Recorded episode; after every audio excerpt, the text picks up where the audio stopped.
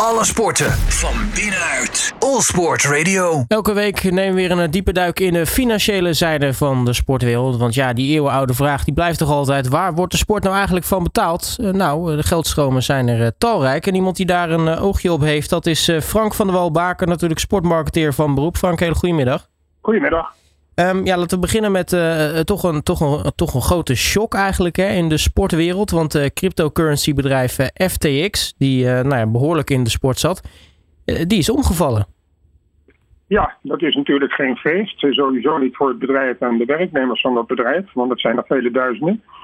Maar we hebben in deze podcast vaker gehad over de sponsoring van sport door cryptocurrency bedrijven. En we constateerden toen ook al, en nu nog, dat dat best wel risico's met zich meebracht. Uh, gezien toch, hoe je het ook bent of keert, de onvoorspelbaarheid en dus onzekerheid van dit soort bedrijven. En ja, ook het toch enigszins cowboyachtige imago dat de bedrijven hebben gecreëerd voor zichzelf. Het hele erg speculatieve, dat uh, geeft geen gevoel van zekerheid. Dus uh, ik zou elke sportorganisaties willen organiseren die natuurlijk allemaal op zoek zijn naar sponsors. Als ze in zee gaan met een cryptocurrency bedrijf, tracht dan toch op een of andere wijze een bankgarantie te, te organiseren, zodat je zeker bent van je centen die zijn toegezegd. Maar goed, na dit recente omvallen van een van de werelds grootste cryptocurrency bedrijven, FTX, wordt uh, die ongerustheid uh, die ik dus al had en waar ik het net over had, alleen maar bevestigd en die wordt alleen maar groter. FTX zat zeer zwaar in de sport, zoals ook vele collega's overigens. Maar de NBA-club Miami Heat, toch niet een van de kleinste, had een 135 miljoen dollar deal over de naamskoppeling van hun stadion. Nou, dat is nogal wat. Daarnaast was er sprake van een 20 miljoen per jaar sponsorschap van het Formule 1-team van Mercedes. Uh, daar had ik toch ook wat iets meer grondigheid van verwacht. Hè, Duitse grondigheid. Dat ze zomaar in zee zijn gegaan met zo'n bedrijf. Maar goed, 20 miljoen.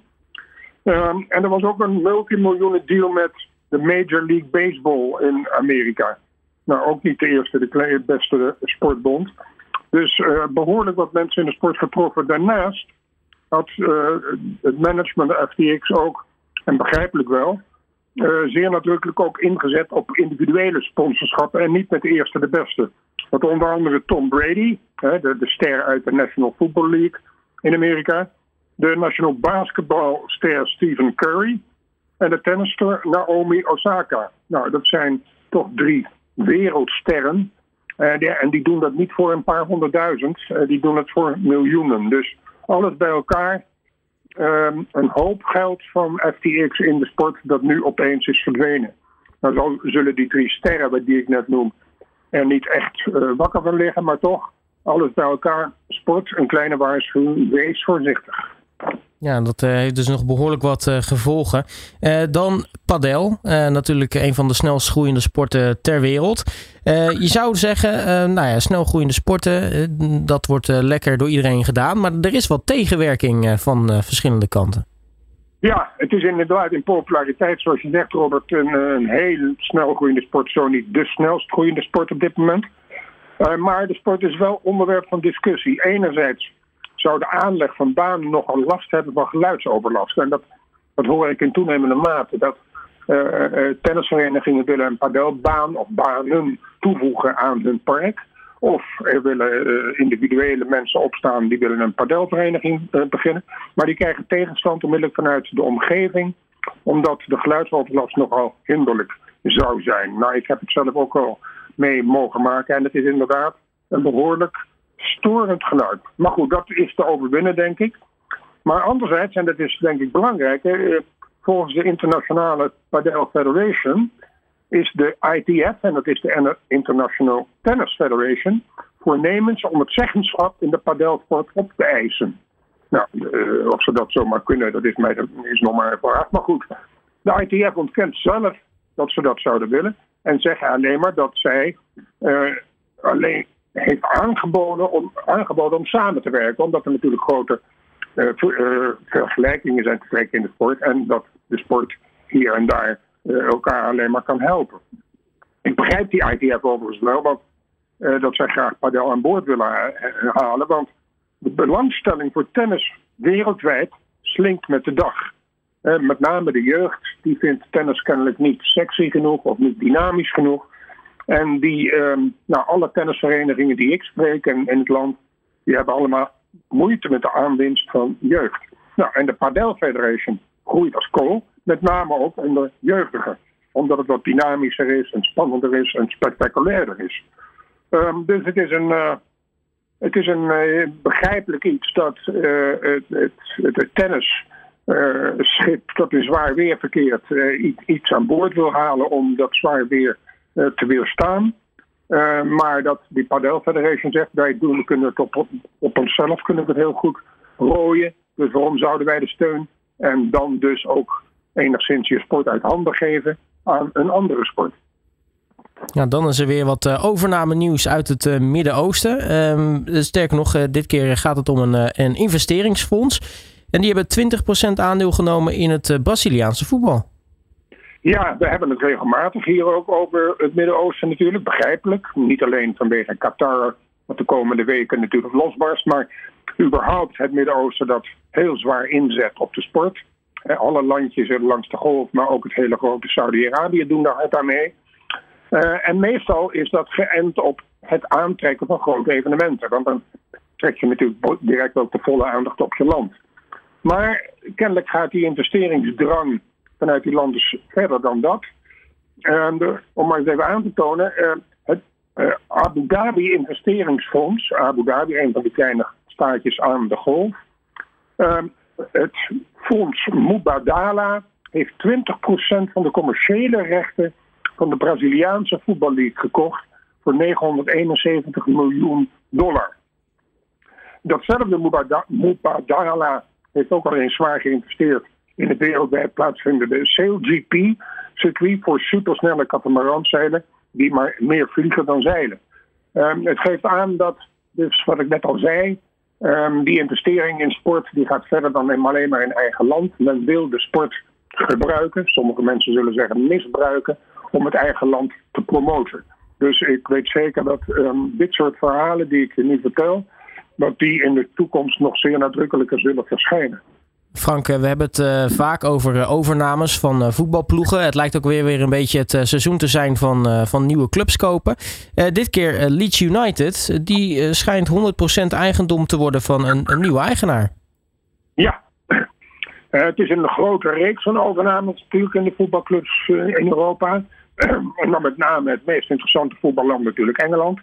Want die Premier League clubs en die Premier League die, uh, competitie, die beelden gaan de hele wereld over. Dus daar kan je makkelijk mee scoren als je eigenaar bent van zo'n club. Nu is het Leeds United. Uh, is, is op dit moment in bezit van hoofdaandeelhouder Andrea Rad, Radrizani, moet ik zeggen. Die heeft 56% van de aandelen. En um, de resterende uh, percentage is, is in handen de NFL, de National Football League, San Francisco 49ers. Dat is dus heel gek, die hebben daar een aparte entiteit voor opgelicht. 49ers Enterprises. En dat bezit nu 44%. Nou, die 49ers hebben een afspraak met meneer Radizani dat zij een optie hebben op die zijn 56%.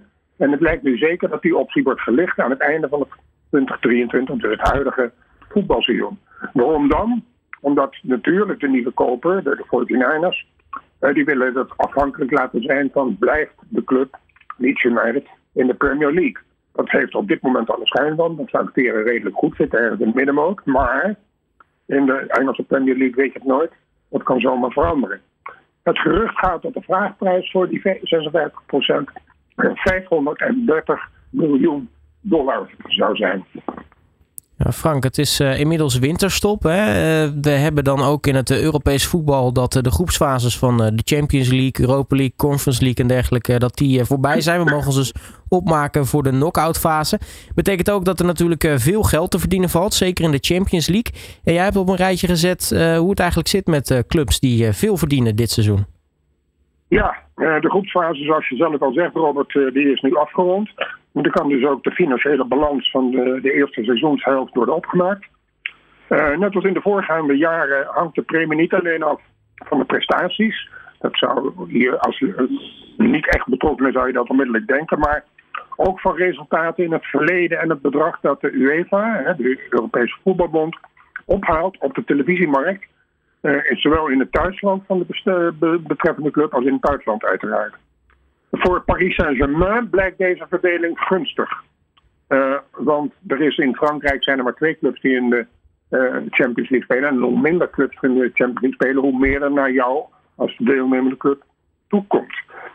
Uh, hoewel de Parijzenaars geen groepswinnaar werden en ook minder punten hadden, haalden dan bijvoorbeeld Bayern München, Liverpool en Napoli, zijn de Parijzenaars met, op dit moment met 98 miljoen euro toch kooploper in dat premieklassement. En dat is dan nog maar halverwege het seizoen.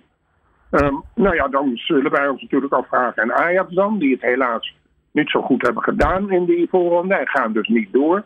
En die zijn nu gedegradeerd tussen aanhalingstekens naar de Europa League. Maar in, totaal verdienden de Amsterdammers in deze editie van de Champions League toch nog een, aantrekkelijk bedrag van 44 miljoen um, euro's.